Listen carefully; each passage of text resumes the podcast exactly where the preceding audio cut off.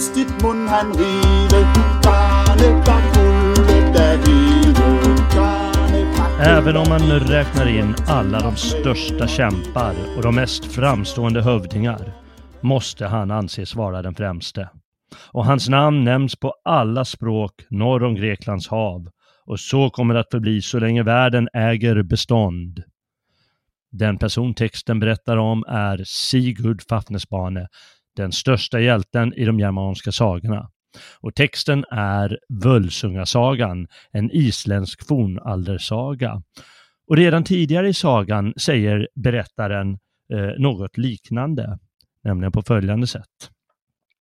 Av alla framstående män och kungar som omtalas i gamla berättelser skall Sigurd framhållas som den kraftfullaste och dugligaste, modigare och djärvare än alla andra män i norra delen av världen. Sigurd växte upp hos Hjalprecht och var omtyckt av alla barn. Han trolovade Hjördis med kung Alf och bestämde vilken brudgåva hon skulle ha. Välkommen till en nygammal vandring på gamla och nya stigar. Jag har sökt i arkiven och hittat ett nästan på dagen exakt tre år gammalt avsnitt om Nordens och därmed världens största hjälte Sigurd Fafnesbane med mig, Jalle Horn och med Robin Holmgren.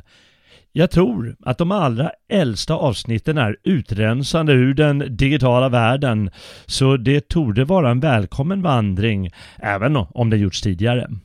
Förhoppningsvis är det många lyssnare som aldrig varit med på den vandringen.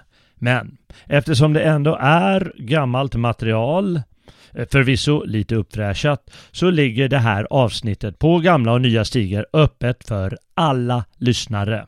Så greppa vandringsstaven, för nu rusar vi iväg.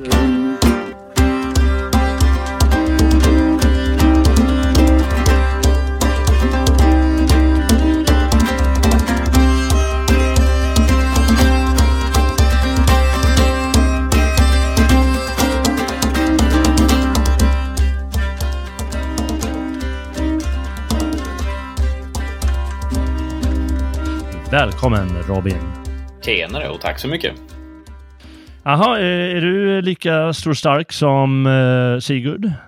Nej, men det, å andra sidan så är ju idealbilden så att man når ju aldrig riktigt dit. Men jag har ärat honom eh, med en bild på honom på min arm.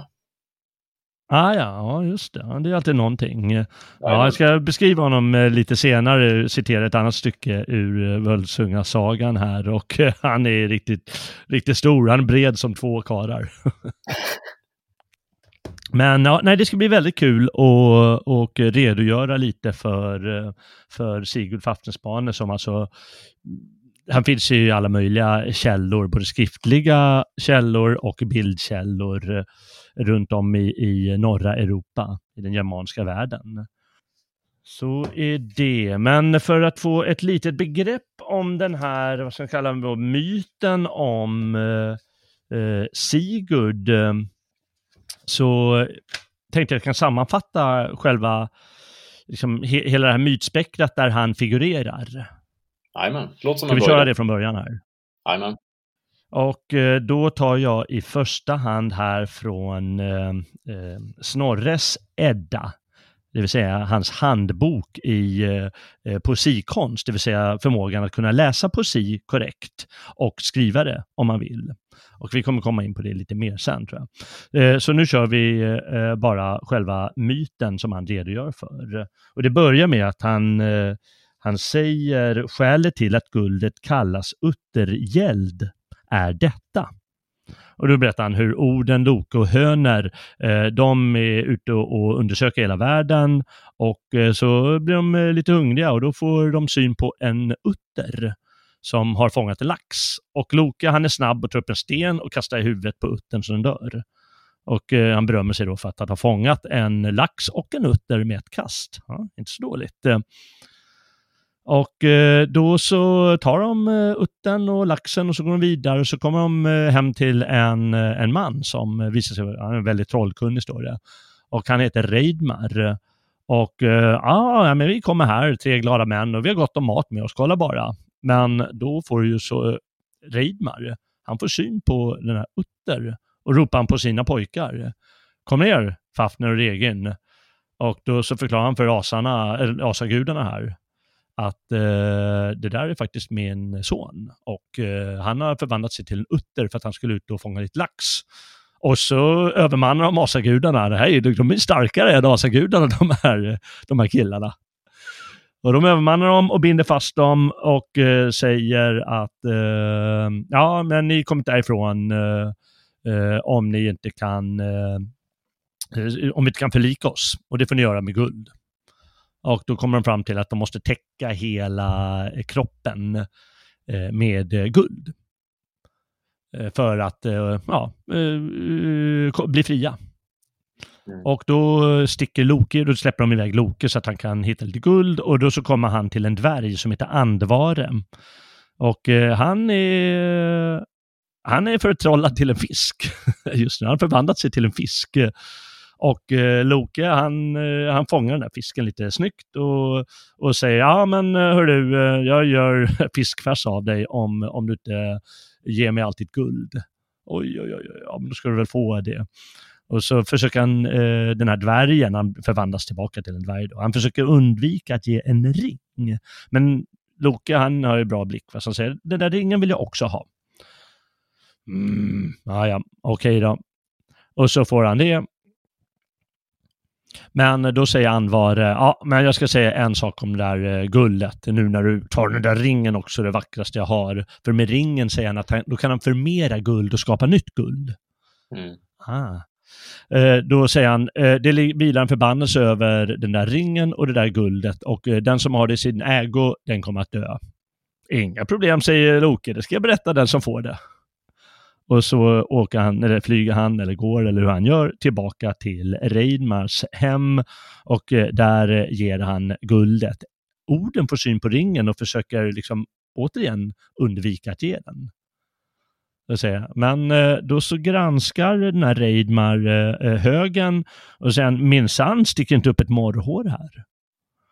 Oh, grymt, där ordet så får jag lägga på den där ringen så att det precis täcker.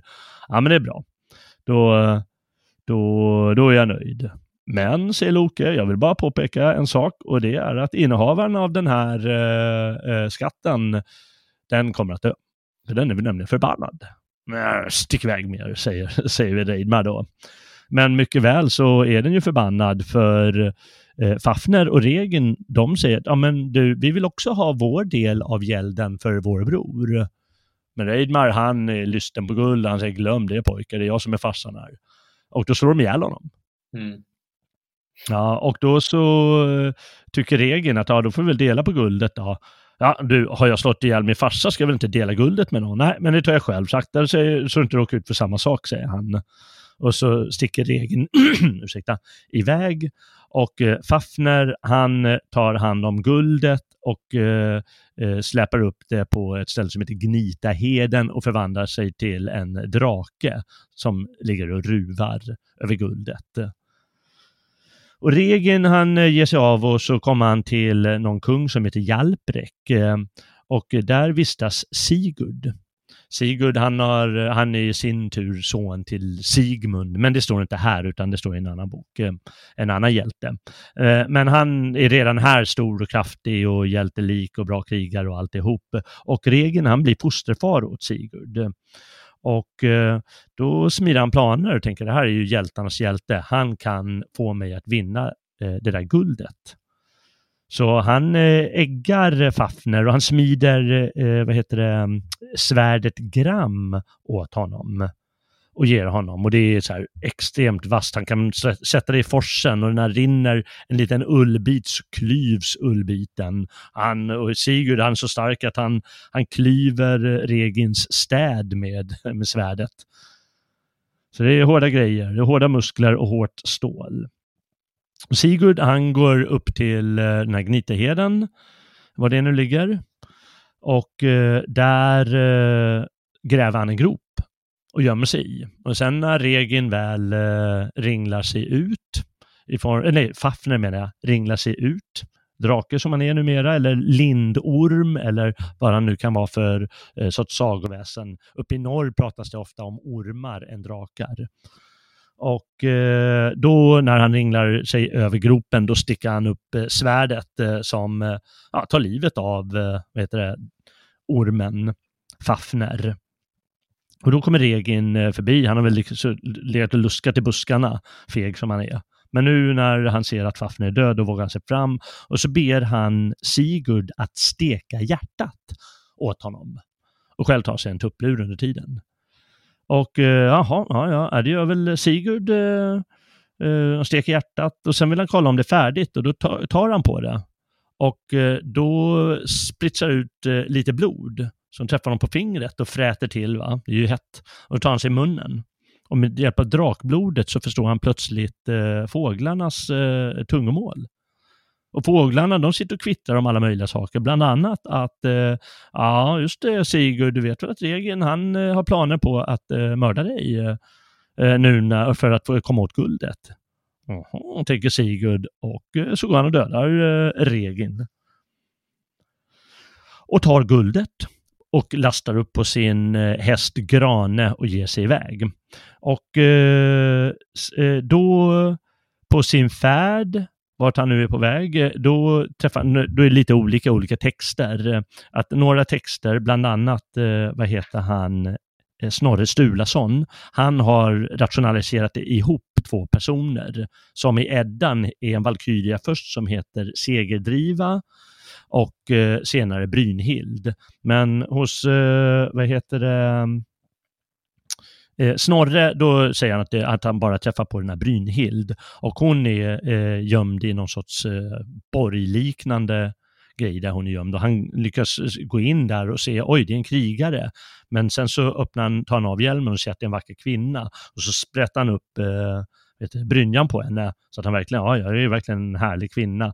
Och så snackar de lite och eh, utlovar någon sorts trolöften.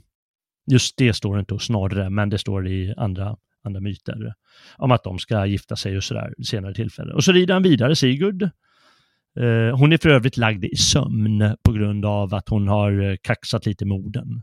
Hon har gjort som han har sagt åt henne. Men Sigurd rider vidare och kommer till Djurkungarna, eller Nivlungarna som de också kallas. Och det är en släkt då. Eh, Burgunderna skulle historiker säga idag. Och eh, där får han en glömskedryck av eh, eh, mamman till Gunnar och Gudrun och Högne och eh, Guttorm. Eh, han får alltså en glömskedryck eh, så att han ska glömma att han är förlovad med den här Brynhild. Och eh, då gifter han sig med Gudrun istället, perfekt. Eh, och eh, ingår blodsband med Gunnar och Högne. Och eh, så tycker de att eh, Gunnar, han borde fria till den där, eh, den där Brynhild som är bror med Atle, alltså den eh, historiska personen Attila.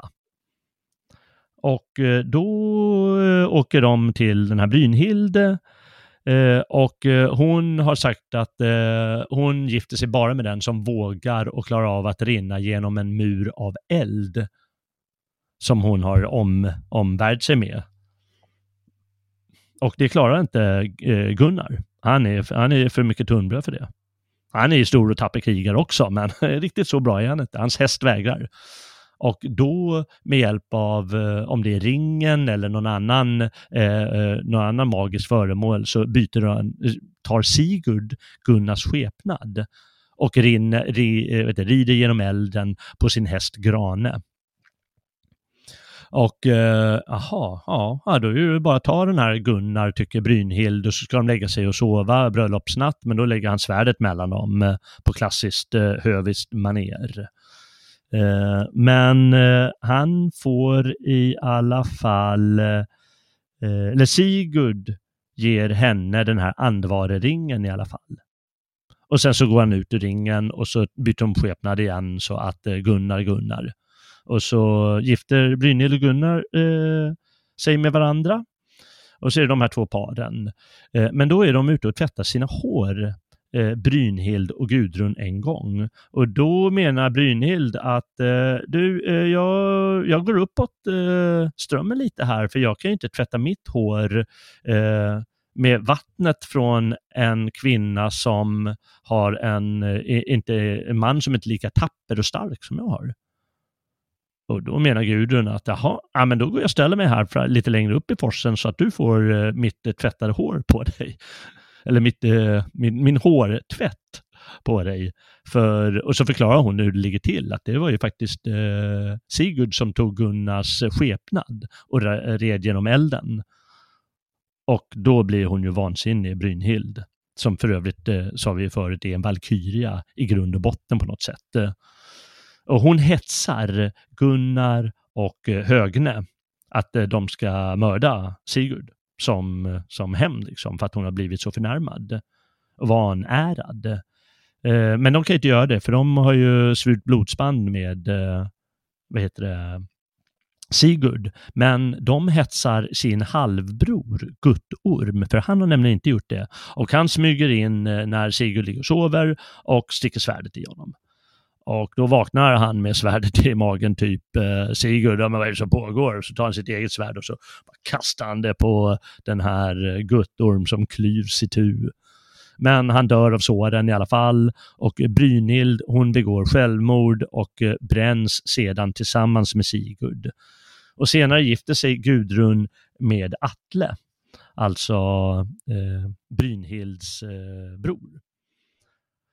Och eh, Atle han, han eh, är sugen på det här guldet så han lockar Gunnar och Högne till sig eller han eh, anfaller dem och, och tar dem till fånga någon gång. Det är så lite olika olika källor.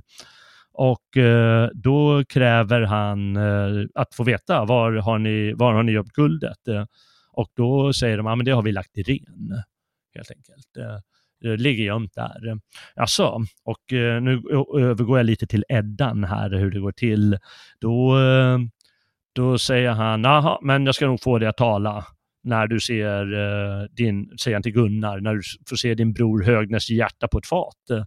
Och så eh, går de och hugger ihjäl någon och kommer dit med ett hjärta som står och darrar på fatet. Och då skrattar Gunnar och säger, haha, det där hjärtat, det ser jag att det inte är Högne den modiges hjärta, utan det tillhör Jalle den fege det är någon slav de har med sig eller något sånt. Och då blir han vansinnig, Atle, och så går han och hugger ut hjärtat själv typ på Högne och kommer med det på fatet. Ja, här har du din brors fat, ditt kräk. Och då skrattar Gunnar. nu är det bara jag som vet var guldet är gömt. Det skulle du inte ha gjort. Och då blir han sur Atle och puttar ner honom i en ormgrop. Men då har han fått med sig en liten harpa och spelar eh, harpa med tårna, för han är bunden om händerna. Så att ormarna somnar, alla utom en huggorm som tydligen hade dåliga öron eller något sånt. Och den hugger, tal, hugger Gunnar i bröstet och eh, sitter fast där tills han dör. Och eh, då blir, eh, vad heter hon, Gudrun, hon blir ju arg på det som sker, så hon under festen som anordnas sen så mördar hon sina barn med eh, Atle och serverar dem, serverar liksom blod eller mjöd ur deras huvudkalkar och deras mat eh, till maten. Helt förskräckligt. Och så skrattar hon när han äter det och sen så tänder hon eld på borgen och, och sticker därifrån typ. Ja, det är hårda bud. Det är ju det. Är du kvar? Ja, ja. när, ja. när, du, när du berättar det sådär så, så inser man ju hur, hur lång den här sagan är egentligen, när det finns så himla många olika källor också. Um, så Ja, det är väl, de flesta är väl överens att det är ju flera sagor som har bundits samman och vävts ihop. Det här med, med, med Uttergälden till exempel och sen så med Sigurd som forslas in i det och de här andra som, eh, som har skatten sen, Gunnar och Högne och deras eh, öde hos Atle och sådär. Så man, mm. har, man, är ganska, man, man anser i alla fall att det är många olika sorters sagor och berättelser som har vävts samman eh, under tidernas lopp. Ja, då så, ja det var ju olika källor sa du. Eh, vad hade vi nu? Den poetiska Eddan, eh, den består ju av eh, dikter då. Dels har ju du guda, eh, gudadikter Och sen så har du de här hjältedikterna. Och sen så är det då den som har samlat ihop eh, materialet. Han, det är antagligen en han, han har liksom ordnat dem i någon sorts eh, berättelseföljd så att det bildas en berättelse av de här dikterna här mm. hjältedikterna. Och så förklarar han med lite, eh, förklarar han emellanåt eh, vad det är som, som händer och varför den här dikten nämns här och, och så vidare. Och vad mm. som kommer att hända. För det är inte alltid helt klart allt som finns berättas runt om de här dikterna. Så dels har vi då den poetiska Eddan och vi har då som jag läste, eller framför allt eh, sammanfattade ur Snorres Edda, Snorre Sturlason som, som skrev den här boken om just hur man, hur man ska förstå de här, eh, varför det heter uttergäld till exempel, om det står det i en dikt. Då måste man ju veta, då måste man kunna berättelsen eh, bakom det. Mm. Så då förstår man den liknelsen, eh, den kenningen eller Haiti eller vad det kan vara för något. Eh, eh så det som vi Snorres Edda och så har vi den här Völsungasagan. Eh, vi kan säga när de är skrivna också. Poetiska Eddan, dikterna, är, de, de går ju allt från kanske 700-talet upp till eh, 1200-talet i alla fall. Så det är väldigt stor åldersspann på dikterna i den poetiska Eddan. Snorres Edda är skriven på 1200-talet. Och Völsungasagan, eh, den berättar också Eh, berättelsen om eh, Sigurd Fafnesbane i första hand, men också första halvan av boken är om hans far Sigmund, som också råkade ut för många äventyr. Och den heter Völsungasagan eftersom Sigmunds pappa heter Völsung, som i sin tur är någon sorts sonson eller sånt till Oden. Mm. Så Völsungasagan, den berättar också om det. Den, den, har många dikter i sig också, där den helt plötsligt kastar in en dikt och säger ja just det, så här sjunger de diktarna om, om den här händelsen. Sen har vi den tyska Nibelungen-sången, eh, Nibelungen Nibelungenlied på tyska. Och den är också skriven på 1200-talet, eller ungefär år 1200. Eh, den berättar, eh, den har inte riktigt samma mytiska grej, utan det känns mer som en eh, riddarberättelse. Den är skriven i sån typisk hövisk riddarstil som var inne på kontinenten där på 11 och 1200-talet. Rimmade inte den också? Den rimmar också, precis. Det är ju en annan stil som han använder. De, de, nordiska diktarna, de rimmar ju inte, utan de har ju så kallat stavrim, mm. det vill säga början av orden istället. Sen har vi en saga som heter Sagan om Didrik av Bern. Den har tyskt ursprung, men det enda som finns kvar det är dess norska översättning. Eh, och där, där istället uh, den här Didrik av Bern som är Theoderik den store, som var kung av Verona bland annat. Uh, så Bern betyder Verona nu, inte det schweiziska Bern. Uh, han besegrar bland annat Sigurd i strid i den. Aha, då är han ännu, ännu starkare än, än Sigurd. Aha. Eh, vi har runstenar, eh, inte minst i Sverige och mest berömd av alla är eh, Sigurdsristningen på Ramsundsberget som just målar upp det står inte i texten, men den målar upp runorna i form av en drake och så målar den upp det här eh, hur Regin hetsar eh, vad heter han, Sigurd att döda draken och att han dödar draken och hur han får blod på fingret och hur han dödar Regin i sin tur. Och sen tror jag också hur han rider iväg med guldet. Ja, och, och, och det finns flera sådana runstenar. Vad sa du? Och fåglarna också. Som, um... Ja, fåglarna är också med, ja det har du rätt i. Eh, de, den, de här runstenarna de är för olika tidpunkter, men den här Ramsundsstenen, eh, den är från 1000-talet. Eh, således äldre än många av texterna om Sigurd Fafnesbane. Och så finns det en del andra texter, han nämns lite grann. I Beowulf, där nämns ju Sigmund. Och lite oklart om han syftar på Sigurd eller om han syftar på Sigurds pappa Sigmund. Mm.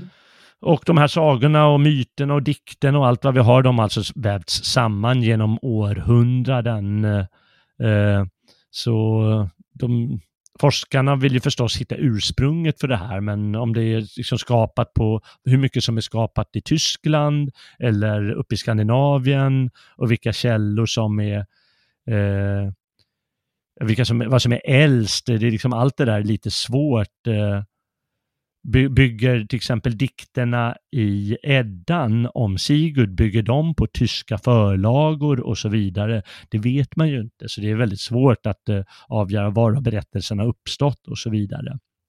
Men mycket talar ju för att de har uppstått uh, under folkvandringstiden. Mm.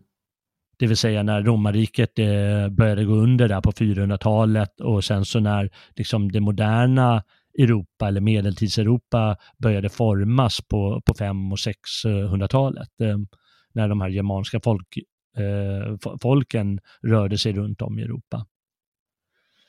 Ja, här har jag bara skrivit upp att Sigurddikterna i Eddan, de räknas som relativt unga. Men vissa är äldre, den här Atlekvädet till exempel, som handlar om Atle, där, där eh, han, den här Gudrun serverar honom barnen, den räknas som väldigt gammal. Så det är lite olika dikterna i, i Eddan. Vissa är gamla och vissa är lite unga. Men det spelar kanske ingen roll nu tycker jag. Nej.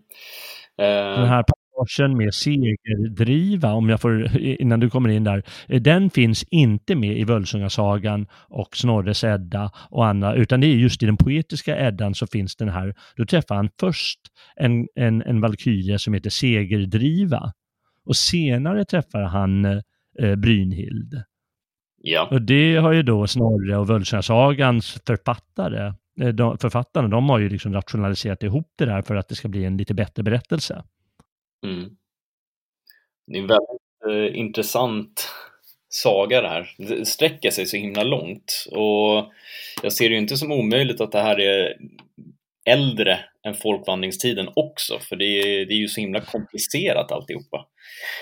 Um... Ja.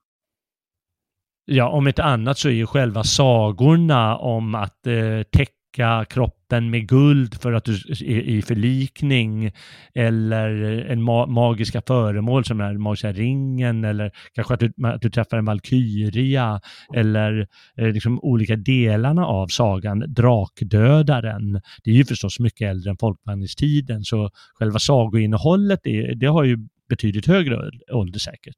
Mm.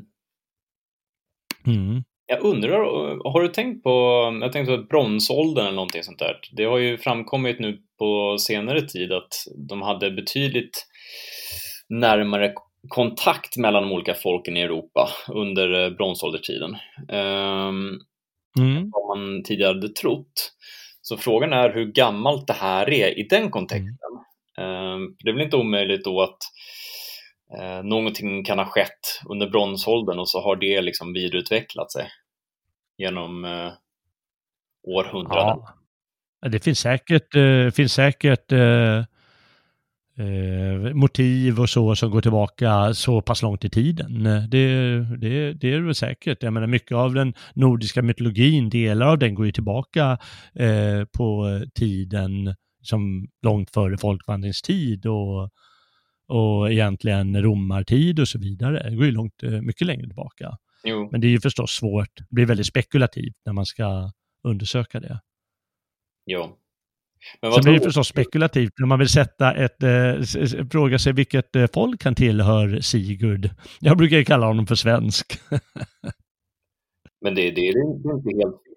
Det finns ju eh, två stycken väldigt intressanta passager eh, apropå det. Um, han, kallas ju, han kallas ju för Frejs mm. Och Frej är ju den svenska guden kan man säga. Alla kungar härstammar från honom i Sverige. Mm. Uh, men sen också mm. Mm. han, om jag inte missminner mig så var hans stamfar Yngve och det är också ett annat namn på Frej, alltså Yngve. Uh, så det är inte omöjligt att han är svensk. Och jag menar Gudrun flydde ju upp till Danmark. Så att, uh, ja, varför inte? Ja, varför inte? Eh, tyskarna de eh, kallar honom ju Sigfrid. Eh, det är lite oklart, men jag tror att han kommer från söder. Faktum är att i, i Eddan sägs det på ett ställe att han eh, kommer från södern, mm. eh, Sigurd. Eh, men, men man vet aldrig liksom hur, de, hur de tänker när de har skrivit det här man får tänka på att det är ju ändå författare som har traderat dikterna i flera hundra år. Så mm. det är inte liksom någon ursprungsdikt vi har att göra med, utan det är författare som kanske ibland har lagt till och dragit ifrån. Ja. Eh, vad heter den? eh, Nibelungensången, den säger att eh, Brynhild är isländska. För det tycker ju de är exotiskt där nere i Tyskland. Ja, han åker ända till Island för att hämta hem en prinsessa. Oh, ja, ja. Medan vi här uppe i norr, vi, vi lägger eh, Eh, vi sätter henne som tysk. Ja. Eller i, i släkt med Atle och så.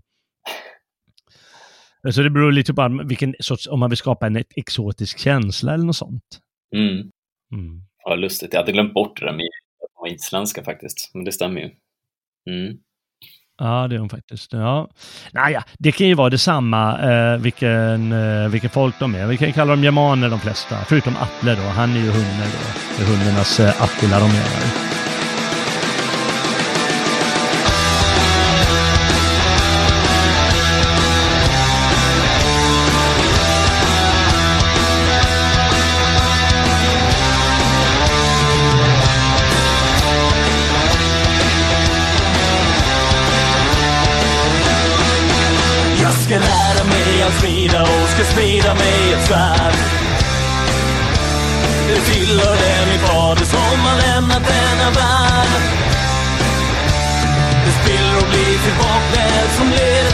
Skatt.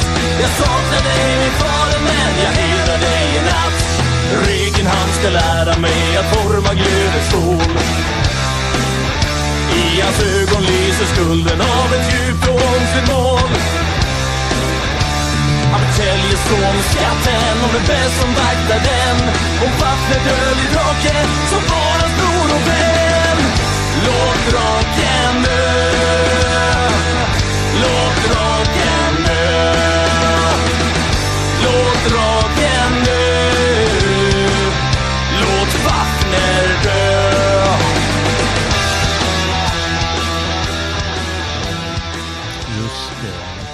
säga det sen. Jag vet inte om vi ska säga det redan nu. Nej, men det kan vi ta sen om eh, lite vad som är myt och vad som är ren historia här. Mm. Eh, vi kan väl, du ville säga någonting om olika översättningar av eh, framförallt Eddan man kanske ska gå till. Ja. Völsungasagan, det kanske finns något gammalt från 1700 eller 1800-talet, men det finns även en ny översättning från eh, 91 tror jag. Och den, eh, den bör man ju läsa tycker jag, om man ska läsa det på svenska, om man inte kan sin isländska. Snorres Edda, det finns ju i en eh, ny översättning från början av 2000-talet. Det finns även en som är eh, av Björn Kolinder från jag vet inte om det är 50 eller 60-talet, eh, men det är inte hela Snorres Edda faktiskt. Eh. Och så poetiska Eddan, det finns ju i flera översättningar. Vad har du för några hos dig? Eh, jag har Erik Brates, den är från 2004 mm. och så har jag Gödekes. Nej, den är ju tryckt då. Ja, men, men jag kan säga att Erik Brates, den är, den är från början av 1900-talet. Ja. Den översattes då alltså. Men så har jag då min familjeedda. Det är Gödekes ja. Edda från 1870. Ja, ja. ja, precis. Ja, det är någon första upplaga nästan. Jajamän, och du det, där med. det är häftigt. Det är guldtext och eh, en numera ganska förbjuden symbol på framsidan. Så den är poppis. Ja, just det. Ja, de var ju populära då. Ja, ja de är väldigt vackra. Man ska inte sticka under stolen med att en vacker symbol är en vacker symbol. Det spelar ingen roll vad den symboliserar. Ja, det är sant. Ja, men de är ju två äldre och de kan man ju läsa på, eh, på nätet, eh, för de finns, eh, ja, de finns på olika ställen. Eh, Wikisource eller eh, heimskringla.no och, och, lite till kan man hitta dem. Eh, som du hade, Erik Brates och Gödekes eh, utgåvor. Det är förstås äldre svenska då. Det är ju mm. gamla verbformer och eh, om man inte har ett nytryck eh, där de har moderniserat texten så stavningen också lite, lite annorlunda. Men de är, Erik Brates till exempel går alldeles utmärkt att använda. Ja, någonting som jag tycker är så fascinerande med Gödekes version är att han har ju skrivit att mm. eh, han gör det här i hoppet om att eh, Uh, nu ska jag se, jag kan läsa helt.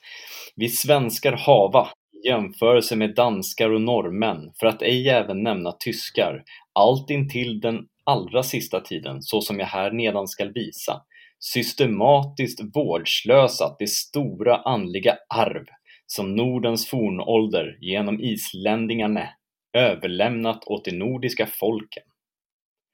Så att han ger ut eh, Eddan i sitt, sin, hopp, sin förhoppning om att eh, Sveriges folk ska ta del av den här vackra visdomen.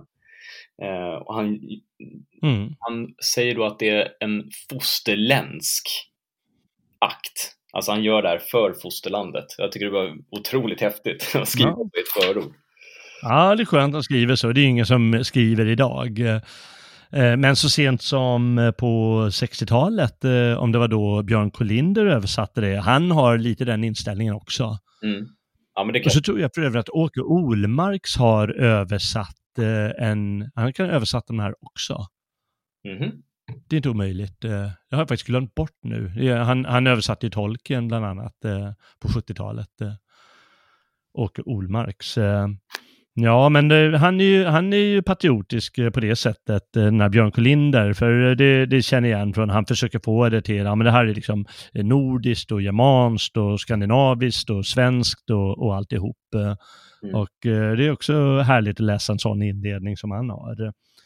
Eh, den senaste utgåvan, som, eller översättningen som har kommit, eh, det är av Lars Lönnroth som är en ja, professor emeritus idag eh, i litteraturvetenskapen och sånt. han har också översatt då den poetiska Eddan. Jag tror att man kan läsa den på nätet också. Jag kommer ihåg att han, över, han skrev han gav ut det som han, hans arbetsmaterial, som var liksom första översättningarna.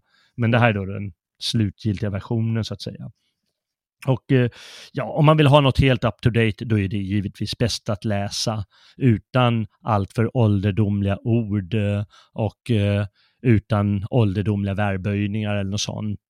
Utan han, han skriver för en modern publik. Men han är inte, han är lite, trots mod att använda ordet bög i alla fall. Det är ja. roligt. Ja. ja, ja. En, en ynklig bög eller något sånt kallas någon någonstans. Ja, var det inte slembög?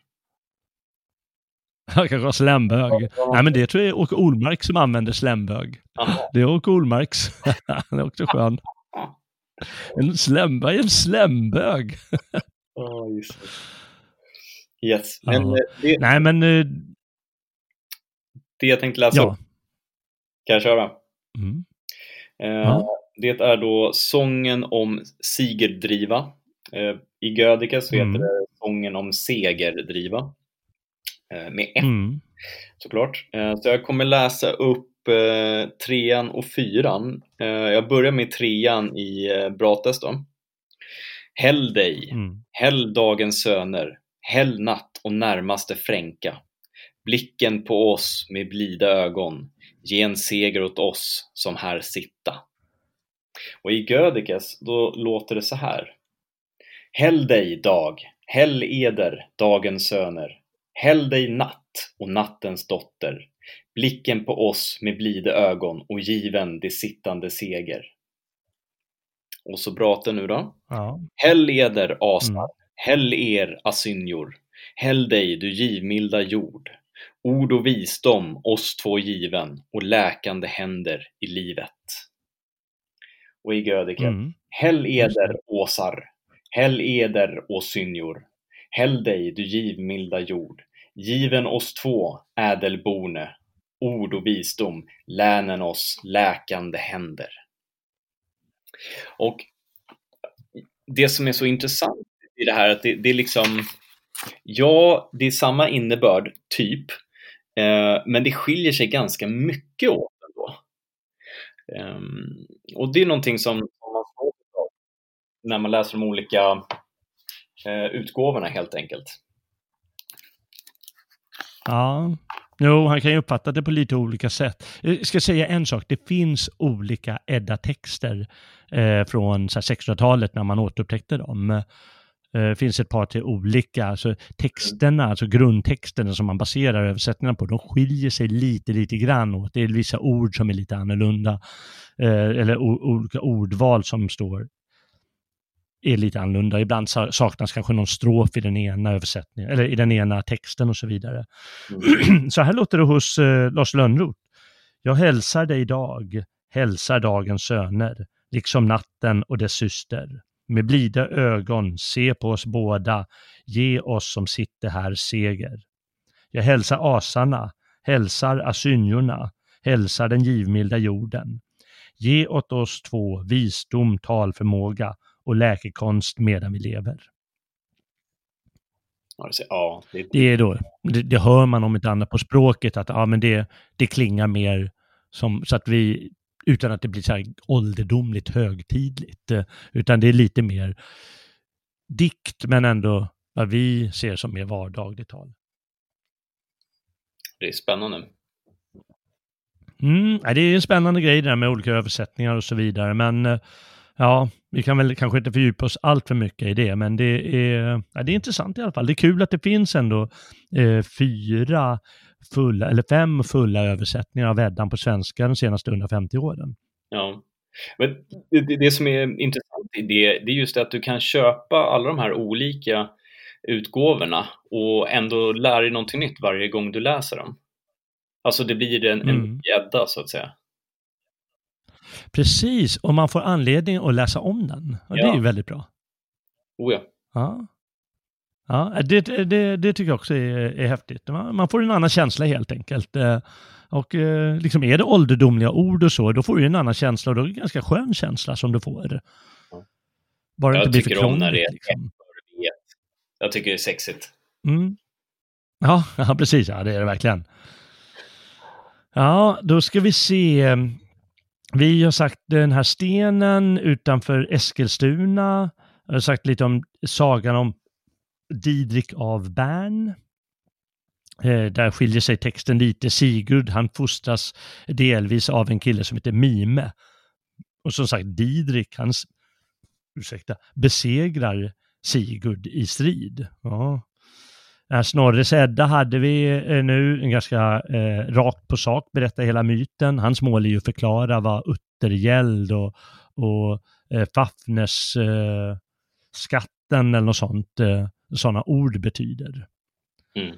Eh, och så har vi Völsungasagan, den är väldigt bra, för då får man den som en liksom, berättelse, som en enhetlig bra berättelse. Kvaliteten är inte super litterärt sett, men den är underhållande. Och det är väldigt mycket magiska och, och, eh, spännande händelser som händer. Både hans far Sigmund och sen, eh, eh vad heter han, eh, Sigurd eh, och sen Gudrun, eh, Gudruns barn senare, kanske med Sigurd, jag kommer inte ihåg, också hemska öden. Mm. Ja, de, de, så den eh, är att förespråka om man kan hitta den på marknaden, Bölsungasagan. Men givetvis då den poetiska Eddan. Och då är det ju några eh, sådana här dikter som tar upp just de här eh, Gudrun, eller vad heter, vad heter han, Sigurd och Gudrun-förloppet. Eh, och det är, faktiskt, det är inte så många, det är några som heter Gripes spådom, där eh, Sigurd frågar någon farbror eller något sånt vad som ska hända honom i livet. Och det vill han inte berätta, för han vet ju att han kommer dö. Men han berättar så småningom i alla fall. Regensmål som berättar om Sigurds uppfostran, tror jag. Fafnesmål där han liksom dödar, nej, ja, det kommer jag inte ihåg vad den handlar om. När segerdriva mål, och då har vi ett problem, då träffar han den här segerdriva eller seger, sigerdriva.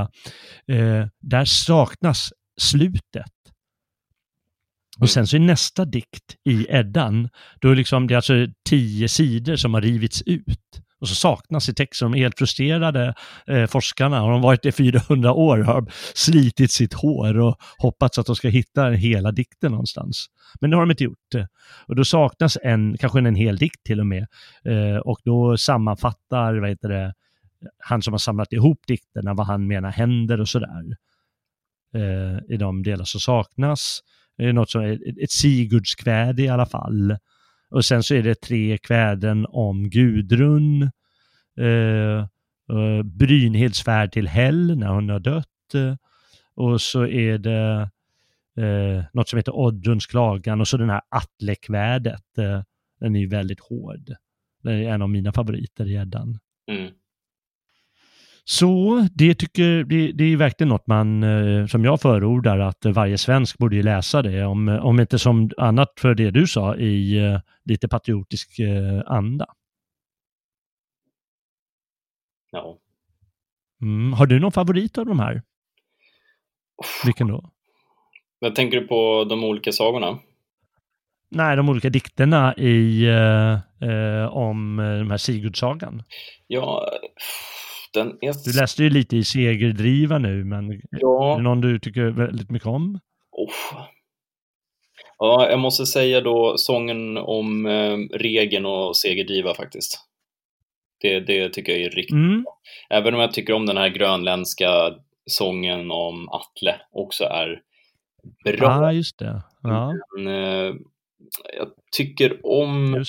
Jag, jag, tycker om att det är så pass mycket lärdomspoesi i det här. Um, så väldigt mycket som påminner mm. om uh, Den höges tal till exempel i samma bok.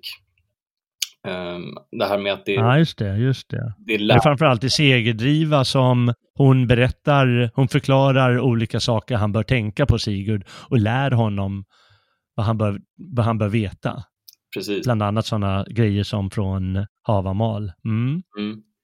Jag, tycker, jag tycker det är en intressant eh, konversation, kanske lite väl mycket att säga, men eh, just att det är en valkyria som ändå har tvingats somna eftersom hon har dragit eh, Odens onda öga på sig.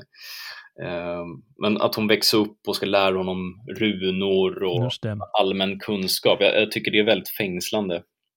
Ja, det är ju en väldigt mytisk bild hur hon är uppe på en klippa omgiven av eld och, och, och Gud, vet han, Sigurd rider in där och finner att hon är en kvinna och hon förklarar hur runor betyder, runor betyder så det är så mm. väldigt mytiskt kraftfull bild.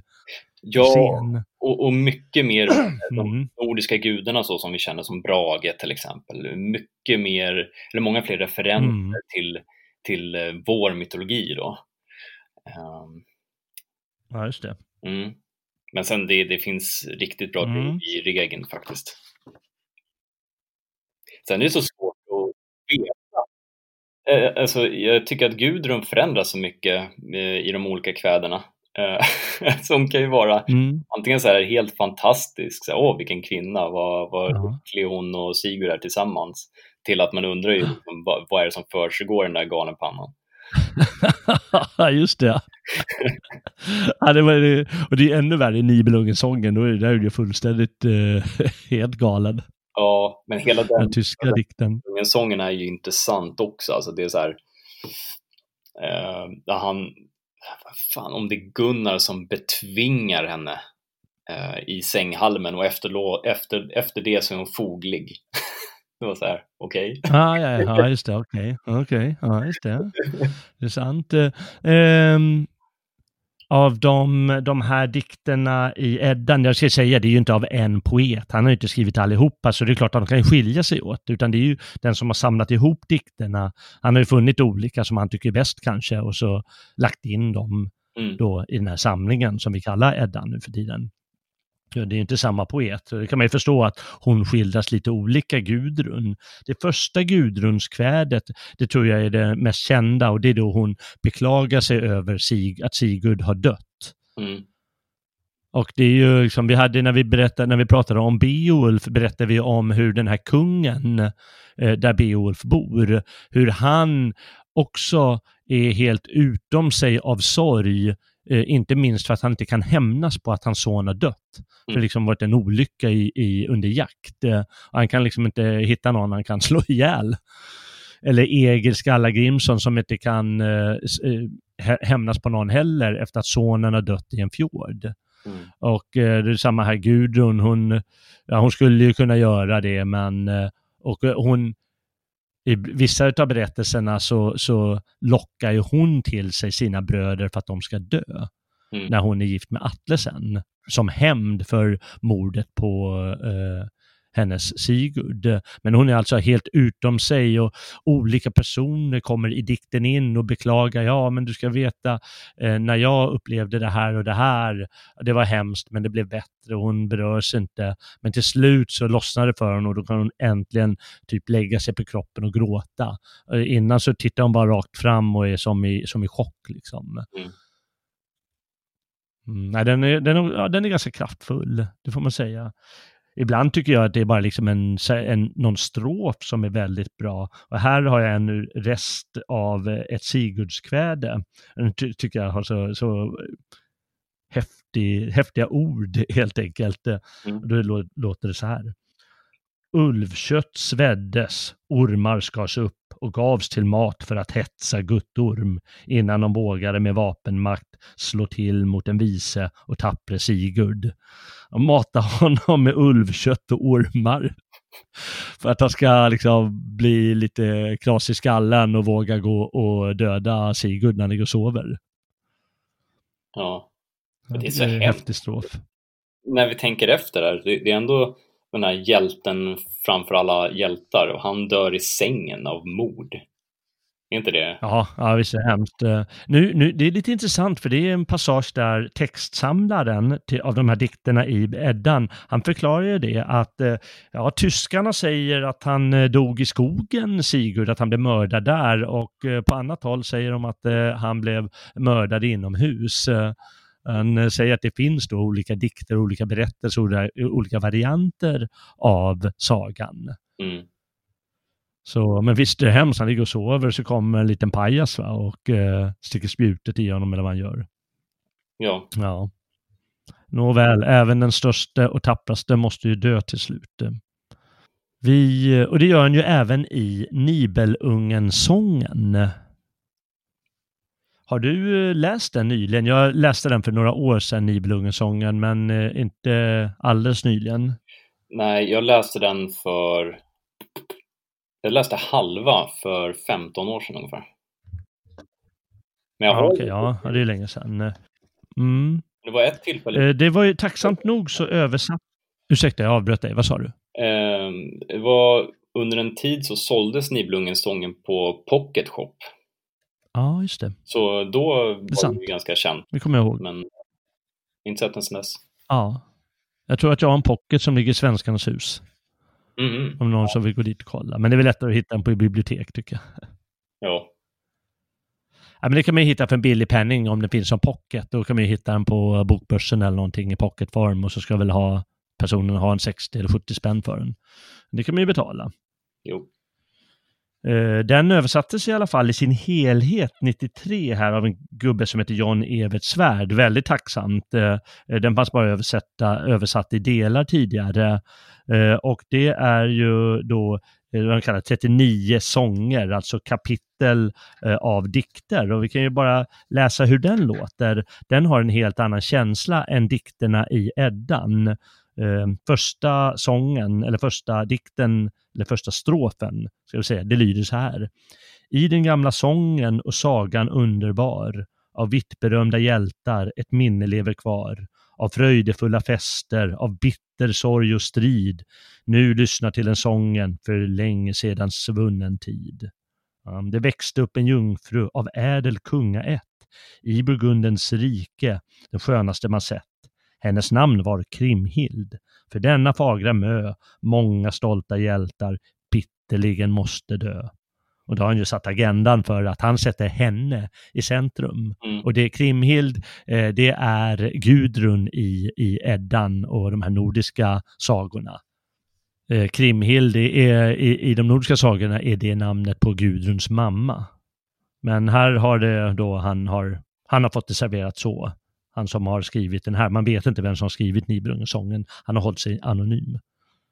Och Nibelungenringen, eh, den är, det är då mer en hövisk berättelse, som, alltså en, sorts, en, en stil som är inne eh, i, eh, på kontinenten eh, på 11 och 1200-talet. Då skapades många sådana eh, ska kalla dikter som Nibelungensången. Och vi hörde här att det är liksom ofta fröjdefulla fester. Det är att riddarna ska visa hur, hur rika de är eller någonting och då står de så storslagen fest och det är siden från, från, eh, från Kina eller vad som helst och det, det är så i och så många jungfrur som går omkring på, klädda på det och det viset och det är massor med guld och ja, då ska det vara storslaget och så eh, ska de visa, visa hur tappra de är, riddarna med jämna mellanrum. Eh, i strid och andra saker. det är, lite, det är, det är mindre saga i den här Nibelungensången, alltså det är mindre myter med till exempel den här eh, magiska ringen. Sådana saker är mindre med, liksom ingen dvärg. Andevar eh, är inte en dvärg här i. Jag vet inte ens om det nämns överhuvudtaget. Det enda som är lite overkligt, eh, eller som är riktigt overkligt, vet du vad det är? Nej. Det är eh, eh, Brynhild. Gunnar, han heter Gunter i eh, Nibelungensången. Han ska ju fria till, eh, till Brynhild, den här isländska prinsessan som åker därifrån Burgundens hov, där de bor. Alltså i, vad ska jag säga, eh, mellan Frankrike eller eh, östra Frankrike. Där, där någonstans, eller södra Tyskland eller vad kan legat där, Burgunden. Eh, då åker de till Island för att hämta henne. Eh, men då är, då är det inte att man ska rida genom eld, utan man ska slå, man ska bli bättre än henne. Man ska slå henne i idrotter, så här, kasta spjut och grejer. Och hon är ju stark som tre karar. Hon är islänning. Han har inte chans den där Gunnar, det går inte. Så han kan inte vinna henne och då byter han skepnad med Sigfrid, som han heter då, Sigurd, eh, nere hos tyskarna. Och eh, Sigurd, eller Sigfrid, han, han vinner ju. Han kastar spjuten längre och, och allt vad det är. Eh, så han ser till att eh, Gunther kan vinna Brynhild. Och då ska Gunther och Brynhild, de ska tillbringa bröllopsnatten eh, tillsammans, eller första natten att han, som han får vara med henne. De kanske inte gifter sig på en gång. Mm. Och då, då hänger hon upp honom i en krok. Hon vill inte ligga med honom. Just det. Och det, det måste ju vara så jäkla utspejsat. De måste ju skrattat gott, eh, riddarna på den tiden. Ah, vilken, vilken tunnbröd. Ja, det är Sigfrid som hjälper. Det är han som är stor och stark. Gunther, han blir upphängd på en krok. sjukt manligt. Ja, väldigt manligt, eller hur? Ja. Ja, men det är ju det, det är varianten Nibelungesången. Den följer den här sagan som vi berättar någorlunda. Eh, Det är lite annorlunda, de heter lite annorlunda och så vidare. Och stilen är lite annorlunda. Men eh, det är också en njutning i ja, 450 sidor. Mm. Det, det, det, det kan man gärna läsa. Man vill ha en liten annan variant av, av Sigurd, en tysk. En tysk eh, riddarroman. Ja, en tysk riddarroman på vers, ja. Mm.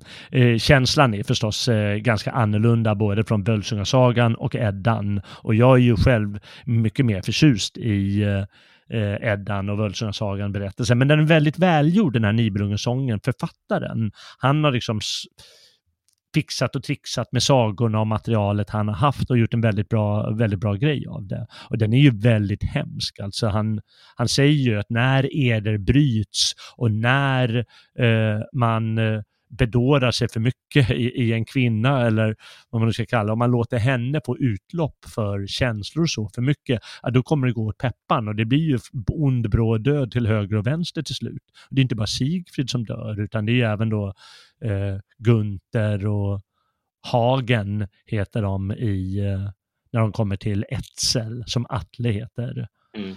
Det, det, det, han vill ju skildra det, hur det kan gå, hur det kan gå så hemskt alltihop, Amen. Författaren.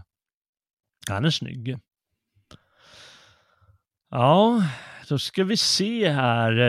Den har ju sitt ursprung i historia och myt. De här berättelserna om Sigurd Fafnesbane. Och eh, det, det, och det är ju fascinerande, det liksom har historisk bakgrund. Och det är ju flera delar av sagorna som har det. Jag har hittat några här, det brukar stå i lite inledningar till böckerna och så ibland. Och i, det frankiska, i de frankiska kungahusen på 500-talet, eh, det vill säga eh, framförallt merovingerna, merovingerätten som grundade eh, det frankiska riket och gjorde det stort på, på 500-talet. Det är en massa med konflikter och intriger och mord i de här kungahusen i det Frankerriket. Eh, och då är det framförallt en kvinna som heter Fredegunda, eller Fredegund, som står i centrum. Och det var en kung som hette Chilperik, hans älskarinna. Och hon mördar, alltså kungens hustru, som heter Galsvintia. Och då kan hon bli drottning i sin tur. Och den här Galsvintias syster, hon startar en lång fejd med den här Fredegunda. Och hon mördar då Fredegunda i sin tur, låter mörda, liksom skjuta lönnmördare på eh, Brynhilda, den här systern till Galvintia, hennes make Sigibert. Och så håller det på att vara fullständigt utspejsat vid det där kungahovet, kan ja. jag säga. Ett annat är ju burgunderna som var ett eh, germanskt folkslag och många menar att de kommer från Skandinavien. Kanske från Blekinge eller Småland eh, eller så. Vissa säger Bornholm också, att det återspeglas i namnet. Mm. Och eh, de mötte sin undergång i ett slag mot romare och hunner år 436. Det var en, en, en spillra av de här burgunderna som leddes just av en kille som hette någonting i stil med Gunther. Eh, en spillra av dem grundade senare ett nytt Burgunderrike lite längre söderut från det de hade tidigare. Jag, vet, jag kommer inte ihåg exakt vad det är. Vet du det? Nej, det minns inte. Nej, jag kommer inte ihåg exakt i alla fall. Och, och sen så har de blandat, liksom, de har ju blandat ihop en massa sådana här gamla händelser från folkvandringstiden. Och en annan händelse så är det det berömda slaget på det katalaunska fälten år 451. Eh, då eh, romare och västgoter, tror jag det blir, mm. eller om det är östgoter, slår en, eh, en här, slår Attilas här och han hade i sin tur med sig, eh, jag tror det är östgoterna. Mm. Ehm, och då, då hindrade Attle, Attilas framfart i, i resten av Europa. Och sen så är det då Attilas död år 453, ett par år senare. Då så ska han ha äh, haft en riktigt hård bröllopsnatt med en germansk kvinna som heter Hidilko. Och då ska han ha dött av hjärtslag eller något sånt. Och det är ju vår Gudrun då som, som eh, det som har blivit sagran, sagans Gudrun. En lite skillnad, lite skillnad på att bli tvingad att äta sina barn framför att eh, ja. dö när man blir riden. Jaha, ja, det är ju det. Det, det är det ju verkligen. Men eh, de vill väl skildra sagoberättarna och poeterna och så. De vill väl, ja, de vill väl skildra saker och ting. Och gör situationen kanske lite kraftfullare eller mer tragisk eller mm. vad man nu vill ha. Och de har ju blandat alla de här sagomotiven som vi sa med drakdödaren och magiska ringen och, och, och allt vad det är. På tal om magiska ring, har du läst Tolkien, Sagan om ringen? Givetvis. ja, det är de flesta som har gjort. Eh, förstås. Och den eh, är ju givetvis eh, eh han var ju expert på eh, de här sagorna. Eh, fornengelska var han ju framförallt professor i, men han kunde ju givetvis de eh, nordiska eh, språken också och hade läst sin Edda och så. Han har ju hämtat mycket, givetvis, i Sagan om ringen från det här. Men han har nog inspirerats ännu mer av Richard Wagner. Har du, har du sett den, eh, de här operorna som bildar Nigel, Nibelungen-ringen? Nej, det har jag inte gjort, men det ligger på att göra-listan de kommande tio åren. Ja, ja precis.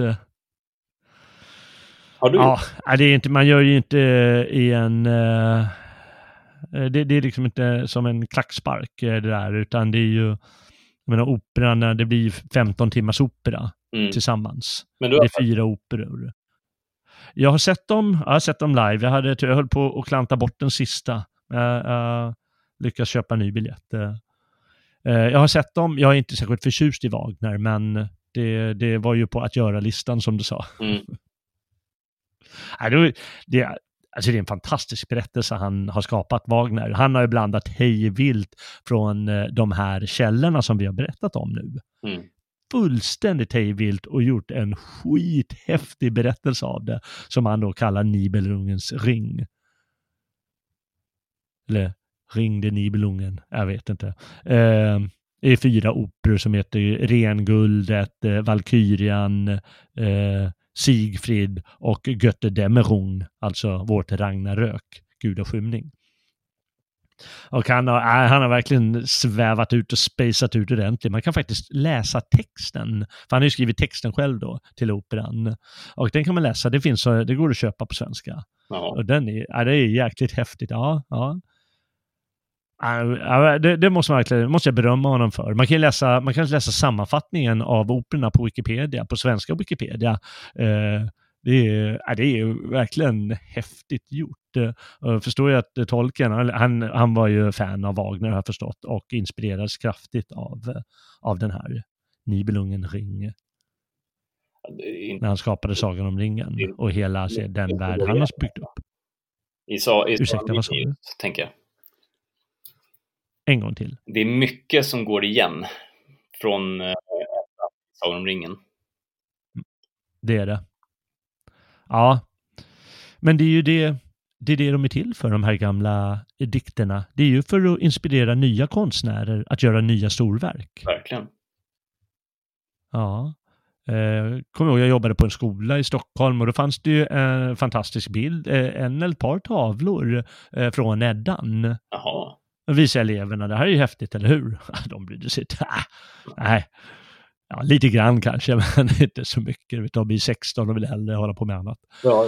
Men, men just att det är liksom massor med tavlor som målare då har skapat och, och eh, alla de här utgivna böckerna då med alla möjliga ornament och bilder till böckerna eller som du säger, och som vi sa, operor och, och Sagan om ringen och andra häftiga verk.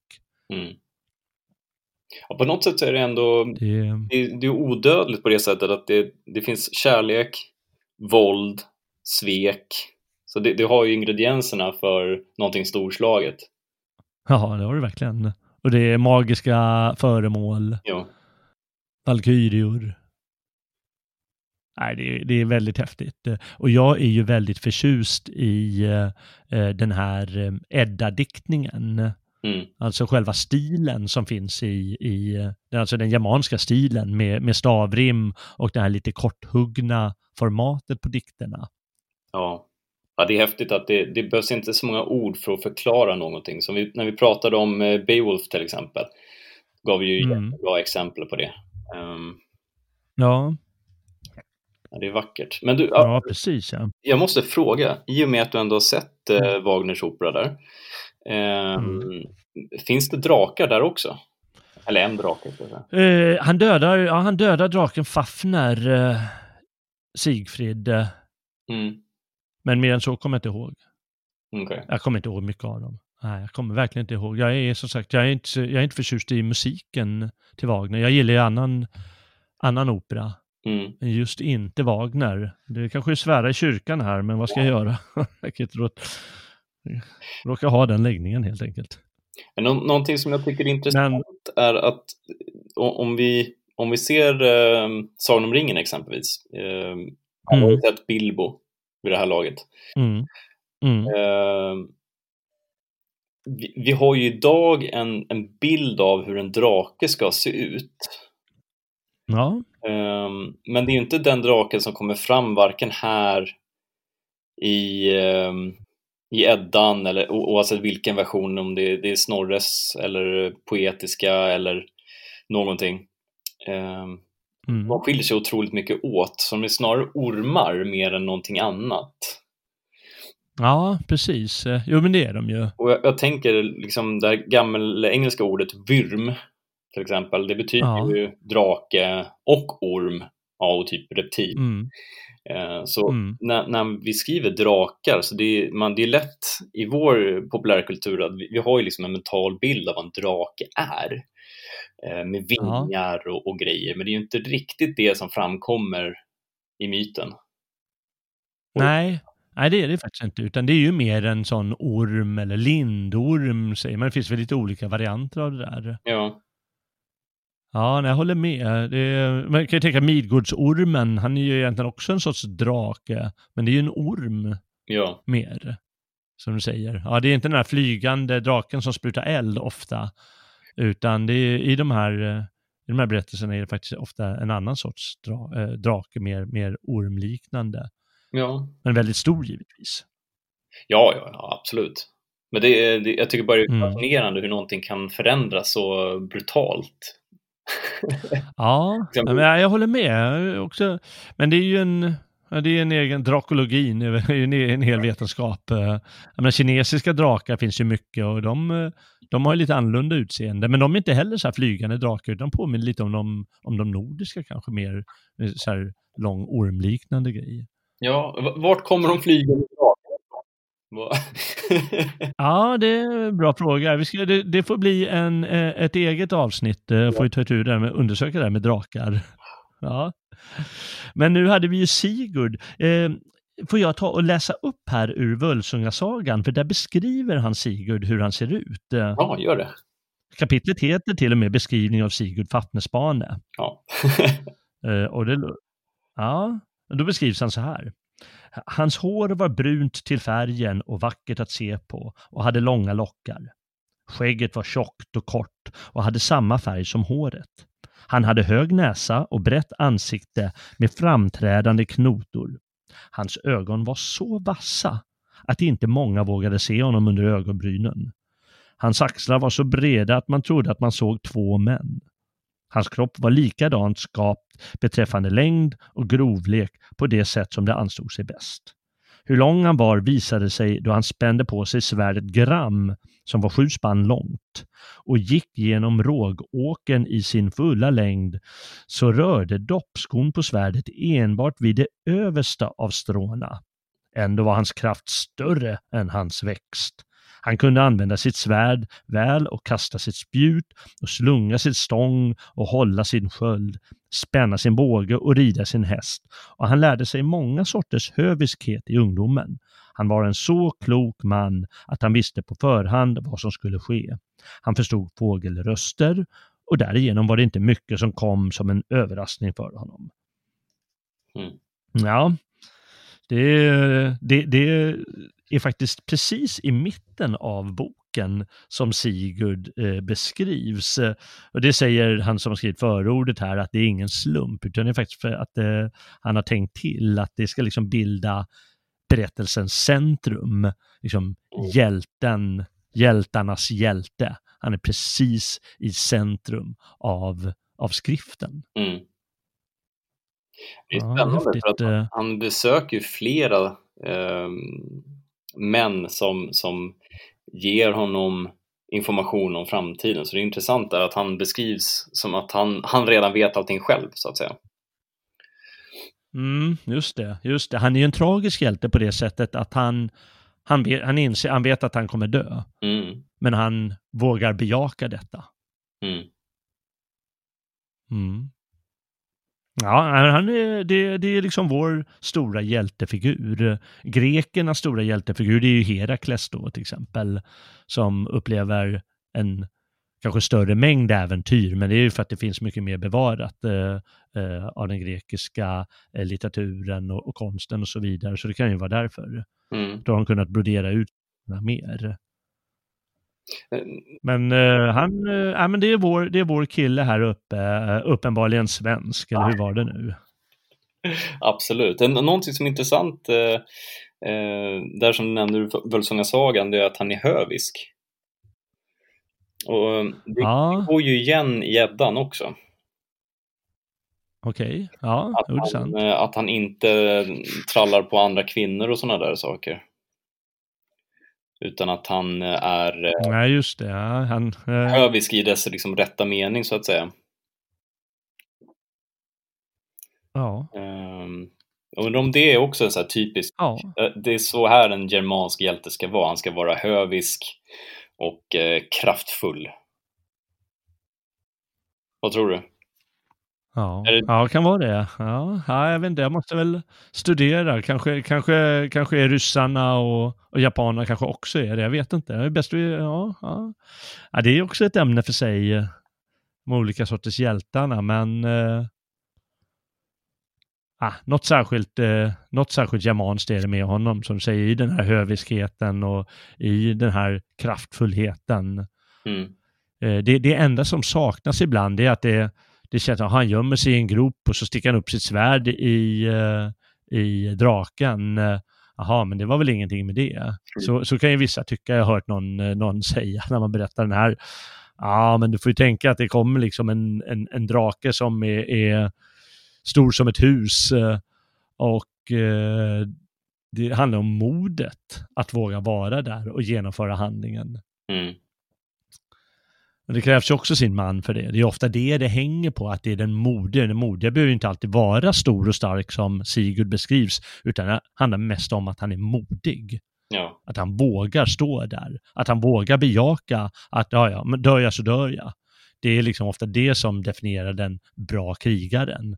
Och sen råkar han vara stor och stark som Sigurd, ja då har du dubbelt upp. Mm. Han säger ju, fly mm. jag i skall fast förfallen och död, blödig är jag ej boren. Dina vänskapsråd alla vinna jag vill så länge som jag lever. Så att han är ju inte rädd för döden i alla fall. Mm. Men du, det måste jag fråga dig, eh, minns, minns du om det har, eh, om han brukar magi i Völsungasagan? Nej, det kommer inte jag ihåg. Eh, men Sigmund, hans far, han gör det i alla fall. Okej. Okay. Det, den, av, den delen i början är, det är mer som magiska inslag i faktiskt. Eh, men jag kommer inte ihåg hur det är med Sigurd och hans uh, kunskaper i, i, i, magi. Jag tror att det är mer koncentration på hans styrka. Och så. Ja, för att han blir ju lärd eh, bland annat segerrunor då av eh, segerdriva. Så jag tänkte att mm. kanske är någon, den kunskapen kommer inte igen i sagorna. Eh, så det skulle vara intressant att veta om det fanns en liten saga någonstans där ute för länge sedan som berättade om att han faktiskt brukade magi.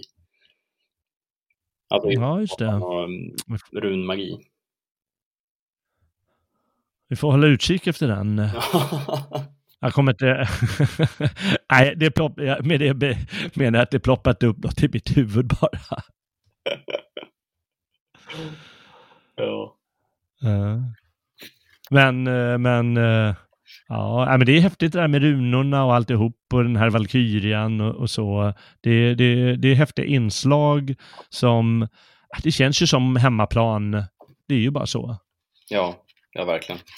Och det är därför man uh, tycker lite extra mycket om dem givetvis. Uh, och ska tycka extra mycket om dem. Mm. Visst, man kan inte tvinga så, ja, ja, nej, tycker man bättre om en kinesisk berättelse, ja varsågod. Men på något sätt så tycker jag det kommer automatiskt lite den där känslan, ja men det är ju min gubbe där, jag, jag känner igen mig honom. Ja. Och då, då får jag en liksom, starkare koppling till det. Ja. Mm. Oho. Ska vi börja Hade du någon mer du, eh, lite del du ville läsa upp här? Ja du, oj oj. Eh, jag tänker eh, sången om Regin måste vi ju köra.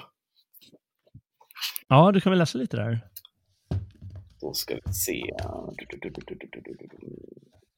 En man stod på berget och sade Vilka rida där med rävils hästar på höga böljor på brusande hav? Över segelspringarna svallet sprutar, mot vinden skola ej vågfålar stå sig. Regin sade, här är Sigurd och jag på simmande plankor. By är oss given, vår bane nära. Över stävens plankor störtsjön bryter, fartygen sjunka, vem frågar oss därom? Mannen sade, jag kallades Nikar då jag korpen gladde, våldsung unge och på valplatsen stred. Nu kan du kalla karen på berget, fäng eller fjolner, eder följa vill jag få.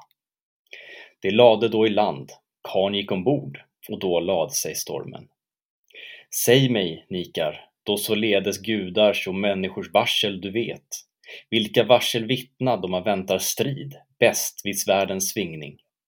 Nikar sade, Många är goda, och människor den visste, varsel vid svärdens svingning. Pålitligt sällskap tror jag svarte korpen bara för väpnad man. Ett annat är, om ut du kommit och färdig är att fara, du ser tvenne tappra män stå tätt utanför stugan. Ett tredje det är, om det träffar in, att ulv under askgranar tjuter, över hjälmklädda män ges dig varsel om seger, om först du ser deras färd. Ingen skall kämpa med ansiktet vänt mot månens syster då sent hon skiner. Seger de hava, som se kunna, de käcka kämpar eller kilformigt fylka. Det är mycket farligt om med foten du snavar när du till valplats vandrar. Då stå på båda sidor svekfulla diser och vilja dig sårad se. Kammad och tvagen var klok skall vara och på morgonen mätt, ty ovisst är var till afton han kommer, illa är av hjärtecken jäckas. Då står det så här. Sigurd hade en stor strid med Lyngve, Hundings son, och hans bröder där föll. Lyngve och hans två bröder. Efter striden sade Regin. Nu är blodig örn med bitande svärd på ryggen av Sigmunds baneman ristad. Ingen fursteson främre varit som blodade korpen, eller som blodade jorden och gödde korpen. Hem for Sigrid till Hjalprek, då äggade Regin Sigurd till att döda Favner. Mm. Det är ju det är lysande. Det är verkligen bra, det måste man verkligen säga. Ja. Eh, det här avsnittet, i hela den här regens mål. Just det, alltså innan han ger sig i kast med att eh, eh, döda draken så ska han ut och hämnas sin far Sigmund. Mm. Just det. Och så dödar han lite.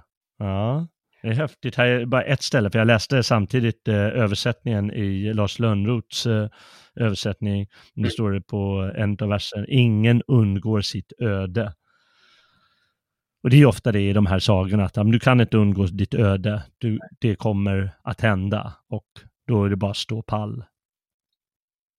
Jajamän, ja, det, är, mm. det är fint. Jag säger ju det, att det är, det är, ja, det är väldigt häftigt. Det är mycket stoicism i det här. Minus då att man alltid ska vara noga med, med sitt eftermäle då, men eh, nej, det är häftigt. Det är, det är kraftfullt mm. när det är så korta verser alltså. Mm. Ja, det är väldigt kraftfullt. Jag håller med. Och det är det som, ja, det är ju tjusningen att det har sin speciella stil som and, andra, andra språks och folks diktning inte har, eller som har på ett helt annat sätt. Mm. Så det är, är, är, dagens lästips. Köp dig en Edda om du inte har en hemma och, och läs eh, eh, ja, både gudasagorna, gudadikterna i början och hjältedikterna sen i andra delen. Eh, särskilt de om Sigurd. Jajamän. Jajamän, ja då kan, om du inte har något mer så kanske vi ska vara nöjda med det här. Ja men det tycker jag. Vi är väl uppe på snart en och en halv timme. Så. Ja, precis. Eh, då får det väl räcka helt enkelt. Eh, vi hoppas att ni har eh, lyssnat med, med spänning och intresse. Ni som har gjort det får tacka dig för din stora hjälp. Tack så mycket.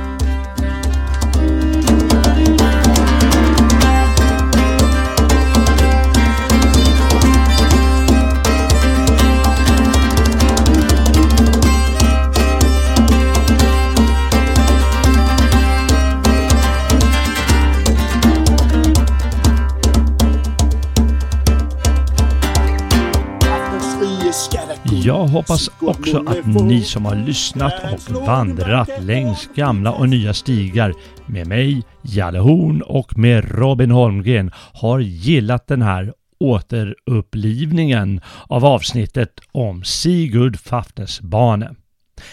Dela gärna det här avsnittet till vänner och bekanta. De behöver också lära sig om vår nordiska superhjälte Sigurd Faftesbane. Dela, dela, dela. Och ni återvänder väl till stigarna lagom till nästa avsnitt här på gamla och nya stigar. Jag kommer i alla fall att vandra tillsammans med någon spännande händelse, person eller berättelse i vår storslagna historia. Hoppas vi ses då. Väl mött Frände!